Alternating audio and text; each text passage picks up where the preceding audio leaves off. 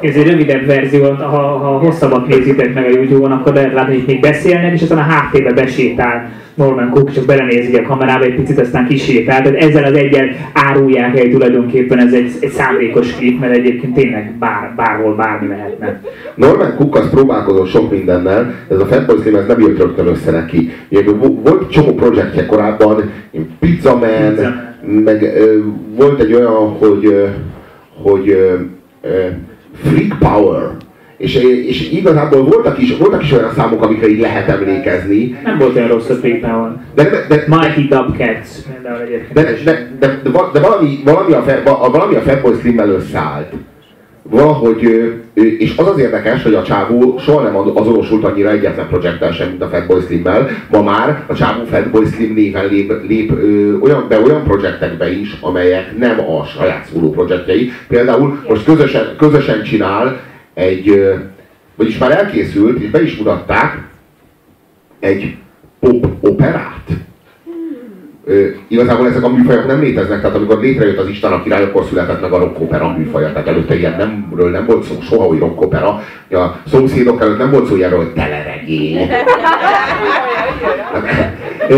Pop operák David Byrne-nel, a, a Talking Heads-nek a frontemberével és mindenesével, és hát a földre szállt zseni David Byrne, és akkor most itt ez a két figura, tehát David Byrne, az megtalálta maga mellé ezt a Norman Cookot, aki, aki mint Fatboy Slim vett részt ebben, és hoztak létre egy ilyen pop, art rock, disco operát. az a címe, hogy Here Lies Love. És, és valószínűleg a Madács Színház is műsorára fogja tűzni. Biztos. 10-15 évben belül mindenképpen.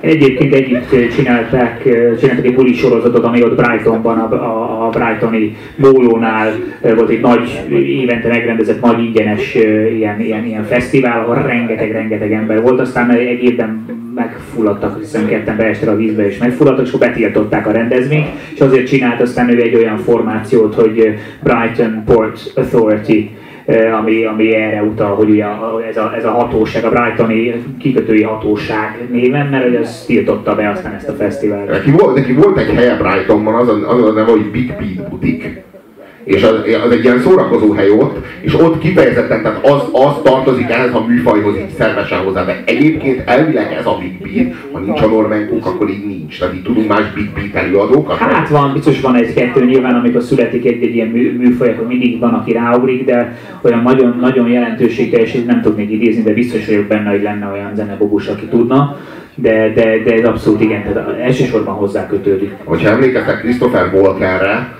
aki a aki, a, a ponyvaregényben a sekkében hozta át azt az órát Bucsnak, amit a kenguru farkára raktak rá, és ott hagyta a hülye picsa.